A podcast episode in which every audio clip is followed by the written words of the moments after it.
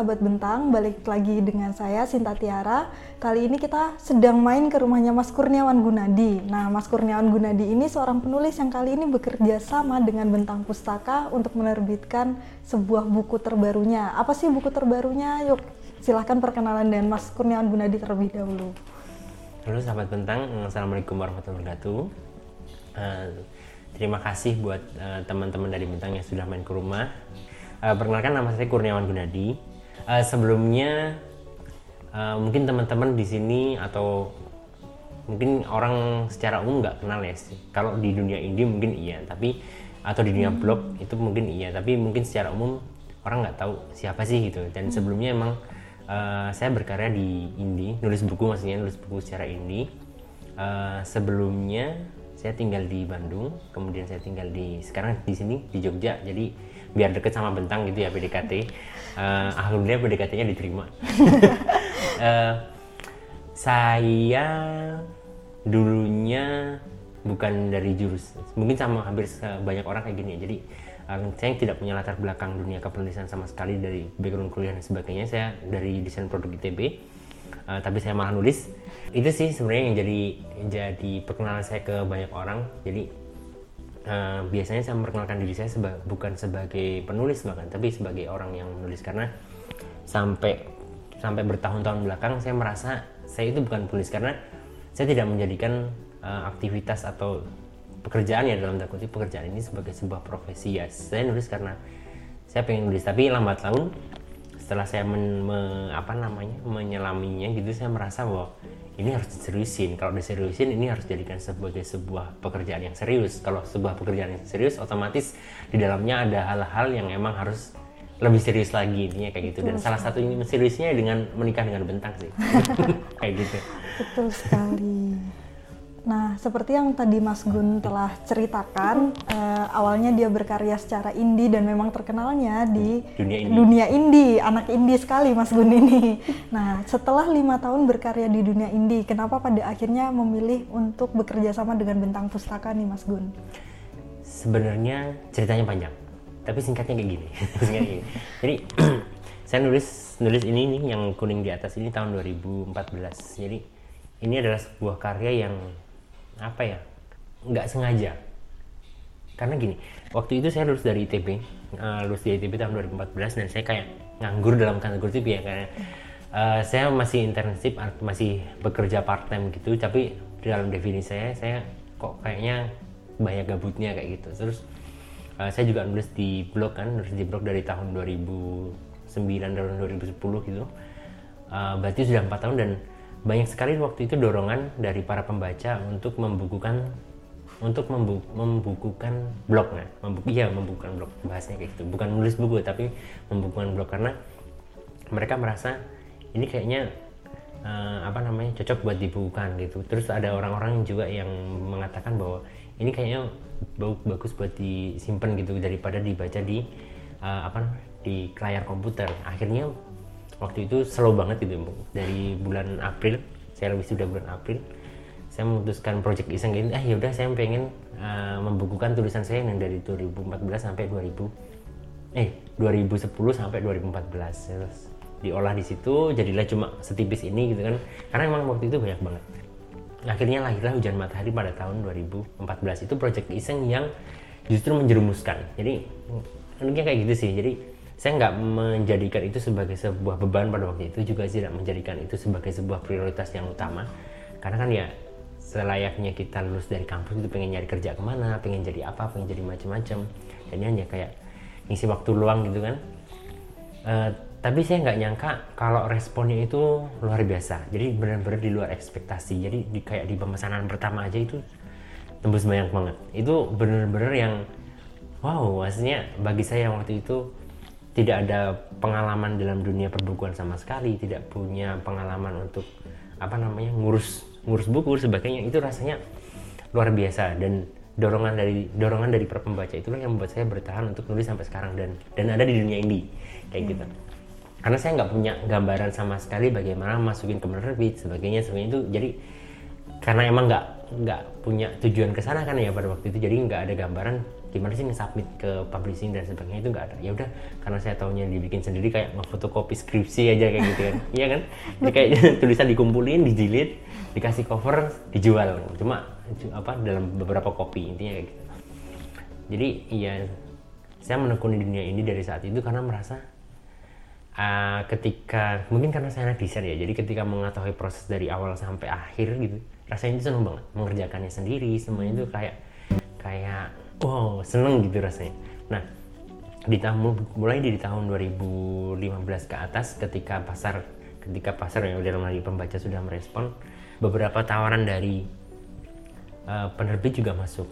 Ada beberapa penerbit dari tahun terutama dari terutama puncaknya di 2016 2017 itu cukup banyak yang menawarkan tapi saya merasa belum waktunya entah parameter apa yang saya gunakan pada waktu itu sehingga saya memutuskan belum waktunya ini masuk ke okay. apa namanya ke penerbit karena saya hmm. pengen saya pengen menikmati apa namanya men menyelami dunianya dulu sih gampangnya kayak gitu ibaratnya kita ibaratnya saya baru masuk dunia ini baru setahun kok langsung masuk pabrik masuk apa label gitu kan rasanya kayak saya belum tahu semuanya nih gitu artinya uh, saya menyelami dulu terus saya bikin portofolio ya bang bahasanya. Memperkaya hmm. portofolio. Akhirnya setelah buku ke berapa ya berarti? Kelima gitu buku ke satu dua tiga empat kelima berarti. Ya. ada satu buku yang nggak ada di sini soalnya. Setelah buku kelima baru saya merasa oh ini sudah waktunya. Sudah waktunya. Sekaligus sebenarnya ini adalah masuk masuk ke dalam timeline hidup saya di mana saya nanti harus kayak sekolah lagi dan sebagainya di mana mungkin saya nggak bisa ngurus itu secara dekat karena sekolahnya kemungkinan nggak di sini gitu kan. Oh, gitu. Jadi kalau saya membayangkan dalam proyeksi beberapa tahun ke depan uh, saya sekolahnya di luar dan sebagainya, hmm. otomatis harus ada yang ngurus di sini kayak gitu.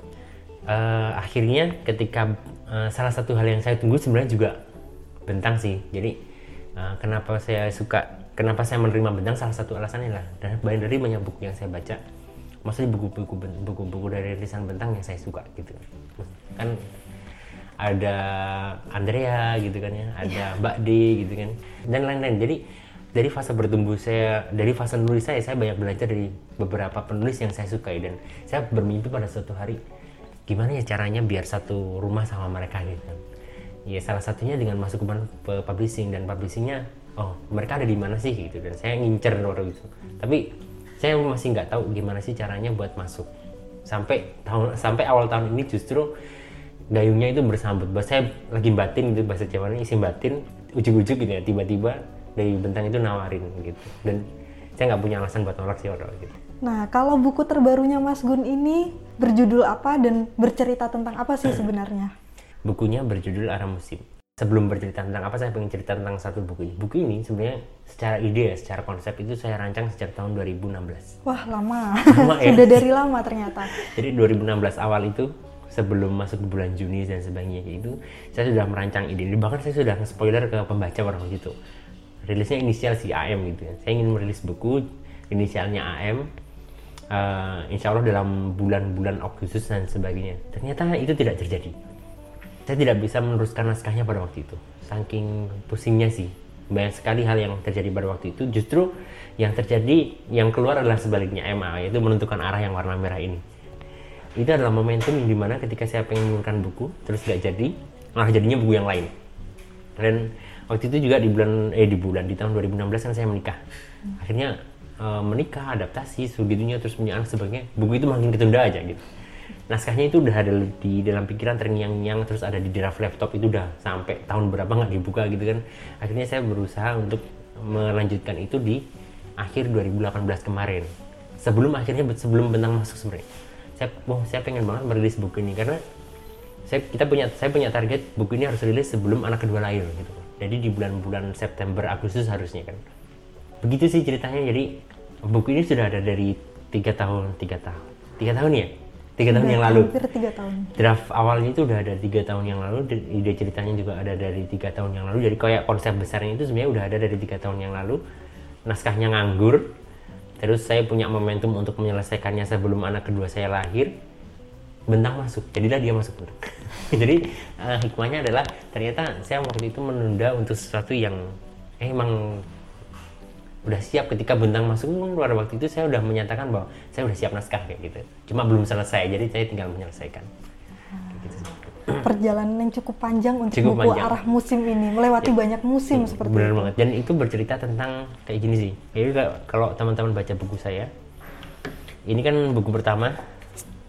Buku pertama terus buku kedua gitu kan. Nah sebenarnya itu sebelum ini itu ada arah musim.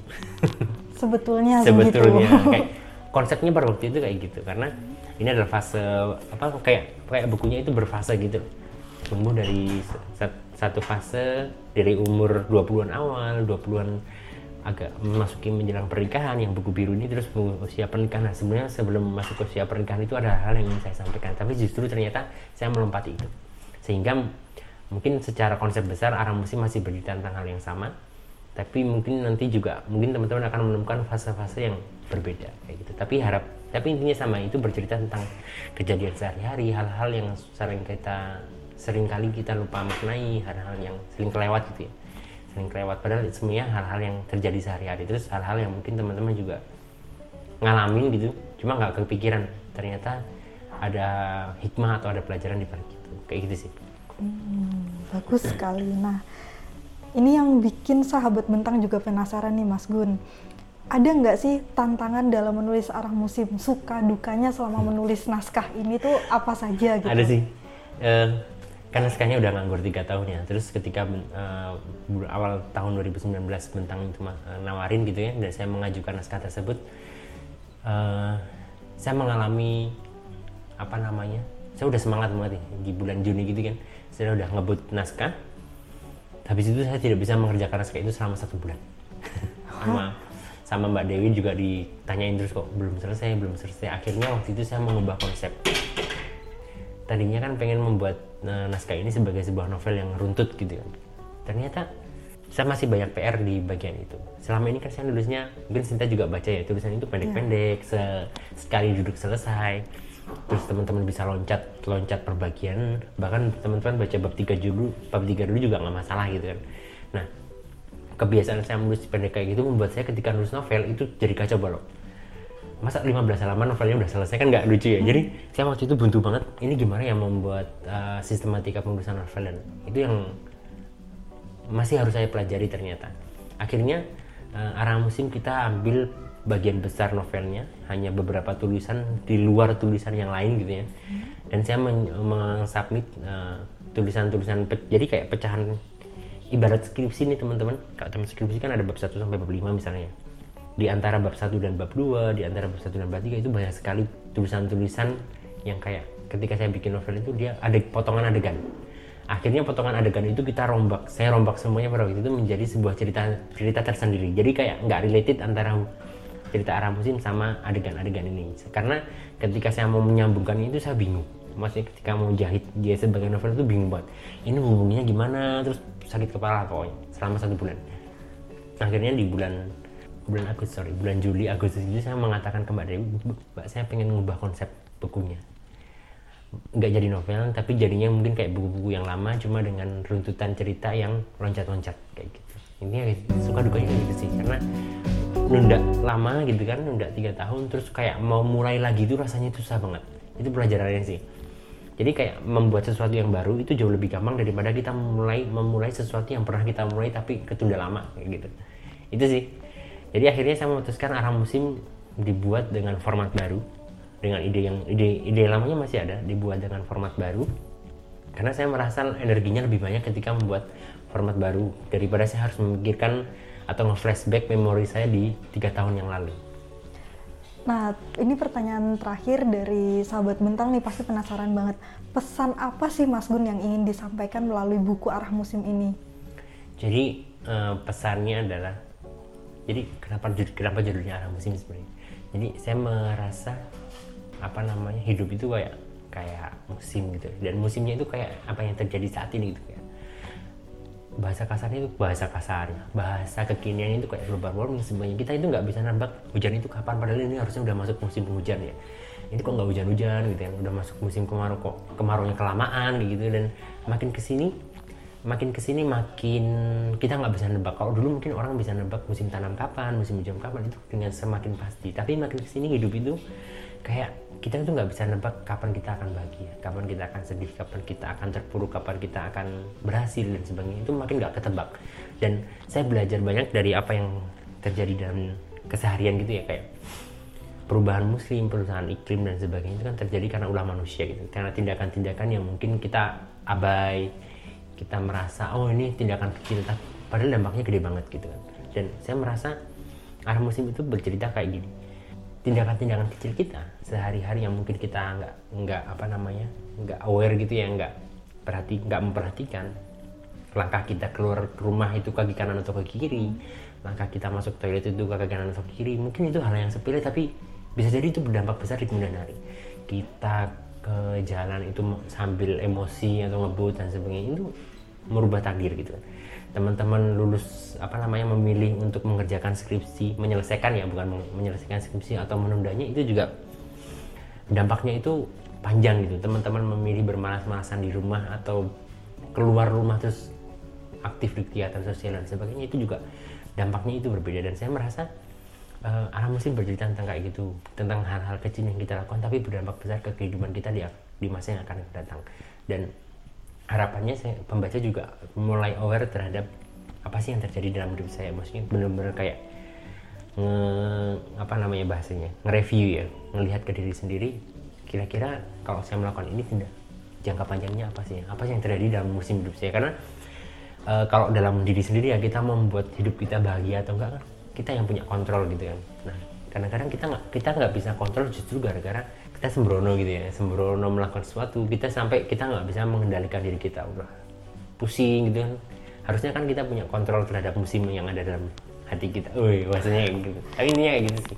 Jadi kita yang menentukan arah musim kita itu mau kayak gimana sih? Mau mau hujan terus, mau kemarau terus, sebenarnya kan semua musim itu semua musim itu pasti punya punya sisi kerennya gitu. Kalau kita post di Instagram itu kemarau itu kelihatan keren hujan itu kelihatan keren salju itu kelihatan keren meskipun ada badainya ada kemarau panjangnya dan sebagainya. Tapi tergantung kita mau mengendalikannya itu seperti apa. Kayak gitu sih. Oh begitu. Jadi ini kurang lebihnya tentang bagaimana mengontrol Mengendal, diri mengontrol sendiri. diri, salah satu mengontrol sekaligus merespon sebenarnya iya merespon atas apa yang terjadi di sekitar kita kejadian-kejadian itu bagaimana kita mengelola diri kita sendiri untuk menghadapi itu semua seperti itu ya Mas hmm. Gun. Kalau begitu pesan-pesan untuk para pembeli jangan lupa beli atau bagaimana seperti itu Mas Gun? Boleh hmm, buat teman-teman ya, boleh beli buku saya tapi jangan lupa dibaca. Kalau dibeli doang terus dipajang mending dikasihin ke temen betul sekali karena saya menulis buat dibaca bukan cuma buat dibeli jangan lupa dibaca dan dibeli seperti itu ya gitu. oke Sekian kalau begitu obrolan kita hari ini dengan Mas Gun. Terima kasih Mas Gun, kami sudah dipersilakan untuk main ke rumah. Sampai jumpa.